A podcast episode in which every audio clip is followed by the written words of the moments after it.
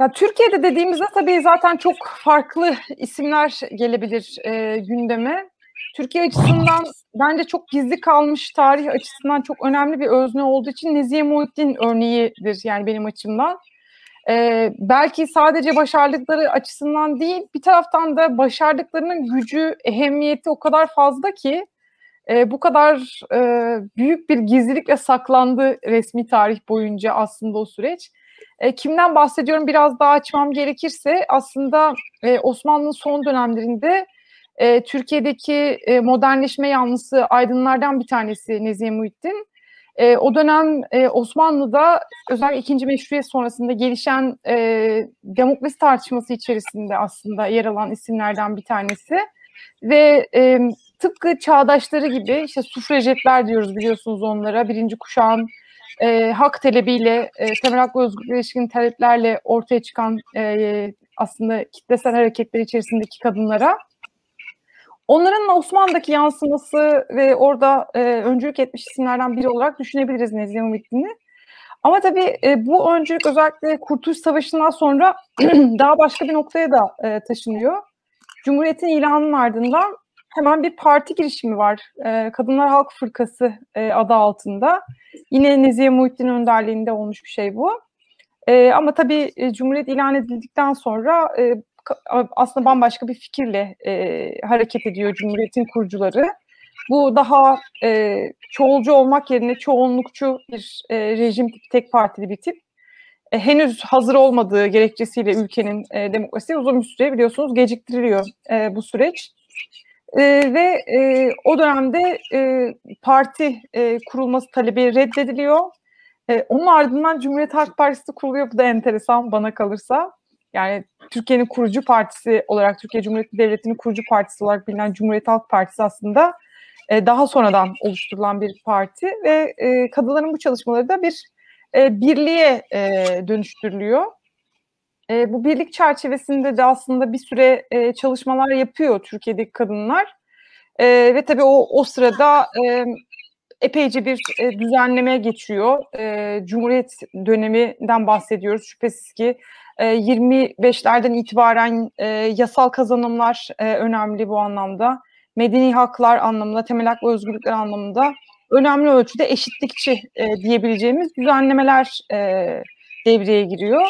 Ve zaten e, siyasi hakların da tanınmasıyla birlikte bu sefer e, parlamentoda e, görmeye başlıyoruz kadınları. Ama bu e, bir taraftan e, siyasete girmesi olarak düşünülürken kadınların bir taraftan da aslında siyasetten dışlanması anlamına geliyor. Çünkü 1935'te yani e, Türkiye'de kadınlar Türk, Türkiye Büyük Millet Meclisi'ne girdiğinde e, aynı zamanda e, Nezih Muhittin'in önderliğinde bir kadın halk fırtası kurmaya çalışan ve daha sonradan Türk Kadınlar Birliği'ne dönüşen o e, oluşum e, feshediliyor. E, daha doğrusu feshedilmek zorunda bırakılıyor. Dolayısıyla e, aslında kimin siyaset e, yapacağına da karar veren bir gerçekten e, tek parti e, yönetimi var. E, biraz Türkiye feminist tarihinde e, 1935 ile 75 arasında e, kadın hareketinin yokluğundan e, bahsedilir ama ben önemli bir sindirme politikasının da e, ürünü olduğunu e, düşünüyorum bu dönemin. Ve e, bütün bu süreç boyunca da e, e süreç, süreç boyunca, da aslında bu yakın tarihin nasıl unutulduğunu her birimiz kendi eğitimimizden biliyoruz değil mi? Yani hani hep bize şu anlatıldı çünkü Türkiye Cumhuriyeti Devleti kurulduktan sonra kadınlara bu haklar hediye edildi şeklinde anlatıldı. Oysa ki 100 yıllık Osmanlı modernleşmesi hatta 200 yıllık Osmanlı modernleşmesi içerisinde öne çıkan Cumhuriyet'in ilanının hemen ardından bir parti oluşturacak gücü kendisinde, örgütlülüğü kendisinde bulabilen bir e, kadın hareketinden e, bahsediyoruz. Bu yok mesela hani o yüzden e, Nezih Muhittin ve arkadaşları hakikaten benim için e, önemli e, isimlerdir. Türkiye'deki kadın hareketinden bahsedersek. Dünyadaki kadın hareketine gelince de onu daha kısacık söyleyeyim. Çok da fazla e, sözü gasp etmiş olmayayım. E, Olimpiyadegoj'un benim e, kendi adıma e, önemli bir yeri var. Biraz hayatını da inceleme fırsatı bulduğum e, öncü e, kadınlardan bir tanesi. Fransız ihtilali sırasında aslında biliyorsunuz kadınların önemli bir rolü var e, hem sürecin gelişiminde aslında hem de kitleselliği içerisinde e, kadınları görebilmek mümkün ama e, devrim olduktan sonra kadınların dışlandığı bir e, süreç e, söz konusu. 1789 e, bildirgesi de aslında bir e, erkek ve vatandaş hakları, hakları bildirgesi. Yani Türkçe'ye tam çevirdiğimizde böyle bir e, tri var orada işin. İşte Olympia de Gaulle da buna karşılık 1791 yılında kadın ve yurttaş hakları bildirgesini yazan isim ve kadınlar için özgürlük talep ettiği e, maddelerden bir tanesi olan ifade özgürlüğü e, düzenlemesinde 10. maddeye denk o bildirgede. Tam erkek versiyonunun karşılığı olarak yazıyor maddeleri zaten. E, orada kadınların eğer e, giyotine çıkmaya hakkı varsa kürsüye de çıkmaya hakları olması gerekir e, diyor Olympia de Gaulle ve bundan e, iki sene sonra kürsüye çıkma hakkı elde edemeden giyotin sehpasına çıkıyor gerçekten de. Ama benim için oyun pedagojinin önemi e, aslında bu çarpıcı hikaye değil. E, onun hayatı hakkında araştırma yaptığım zaman e, dönemin e, çoğunlukçu e, demokrasi anlayışına ve meclis tipine çoğulcu görüşlerle e, eleştirilerde bulunduğunu görebilmek mümkün yapıtlarında. E, yani kadınları gerçekten liberal bir feminist çerçevede e, savunan, e, kadınların erkeklerin hiçbir farkı olmadığını düşünen ve bu anlamda e, söz üreten, kendisi de bir burjuva zaten, bir tiyatro yazarı yani emeğiyle hayatını kazanan biri, soylu değil. E tam bunun üzerinden okuyarak, yazarak e, Cumhuriyet üzerine, demokrasi üzerine fikirler geliştirmiş durumda ve o döneminin çok daha e, dışında, çok daha ilerisinde aslında tarihsel olarak e, değerlendirdiğimizde. Böyle benim için önemli isimler. Evet aslında ben devam edebilir miyim? Söz aldım mı? Pardon ee, mikrofonum kapalıymış sözü sana veriyorum Deniz. Teşekkür ederim. Ee, aslında Ceren'in başlaması çok iyi oldu. Aynı zamanda kendisi daha böyle Osmanlı tarihi döneminden itibaren feminizmin şekillenmesi, e, dan başladı. E, Türkiye'de, Türkiye tarihinde ilham verici feminist hareket, kadın hareketi, e, feminist öncüler, e, feminizmin de e, öncü ifadesini ne kadar kullanabiliriz bilmiyorum ama e, ben de birazcık aslında e, ikinci dalga feminizmin e, Türkiye'deki e, başlamasına e, olanak sağlayan kadınlardan bahsetmek istiyorum. E, biraz tabii e, isim isim bahsetmek çok zor gerçekten Türkiye'de kadın hareketinin öncü isimlerine, Türkiye'de kadın hareketindeki e, emek vermiş kadınlardan bahsederken. E, fakat özellikle bu burada 1990 yılında dayağa karşı e, yürüyüşün gerçekten Türkiye'de feminist hareketin tarihinde çok önemli bir yeri var.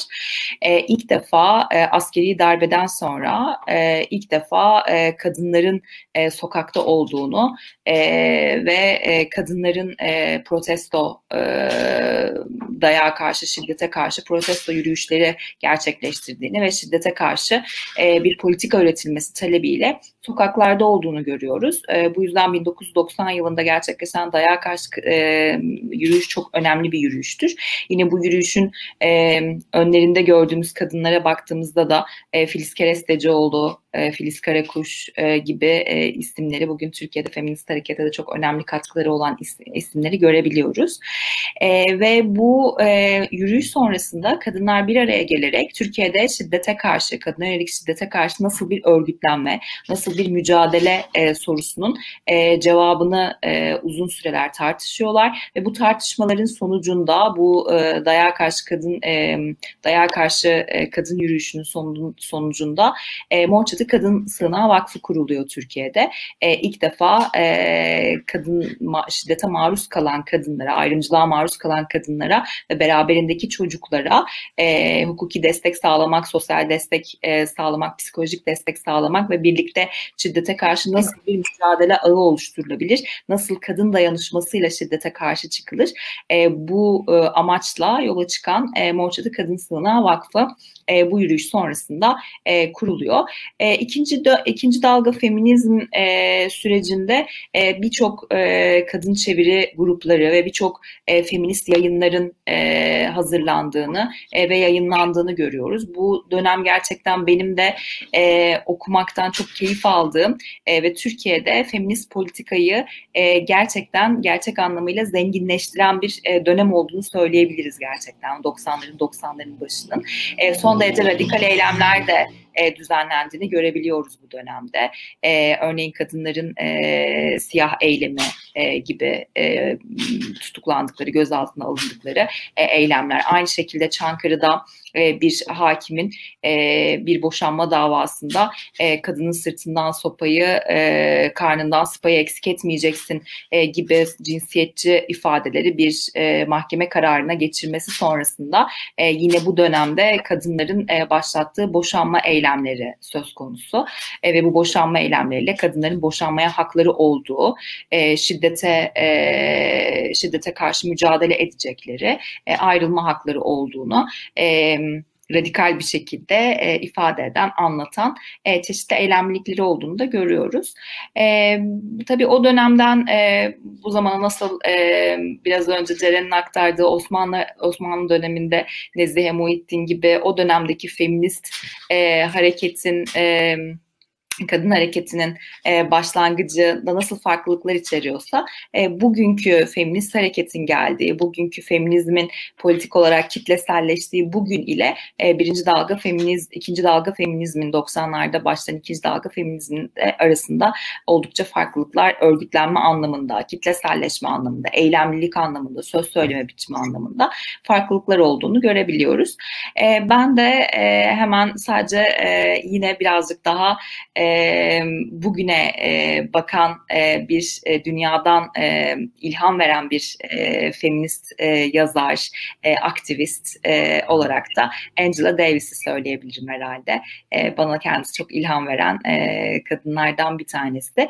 E, özellikle Angela Davis'in politik olarak feminist harekete, bütün dünyada uluslararası feminizme e, katkısı da e, galiba feminizmin son derece önemsediği ve önceliklendirdiği kesişimsellik e, konusu. E, kadınların kadın olmaktan dolayı maruz kaldıkları cinsiyetleri dolayısıyla maruz kaldıkları ayrımcılığın yanı sıra aynı zamanda kadınların etnik kökenleri, ırkları dolayısıyla da maruz kaldığı çeşitli farklı ayrımcılık biçimlerinin kesiştiği noktalara bakmak ve buradaki o kesişimselliği fark etmek ve feminist politika bu kesişimselliğe dair neler söylüyor e, buna dair e, politika yapan birisi olarak e, benim e, için ilham veren e, feministlerden bir tanesi sanırım uluslararası e, alanda da.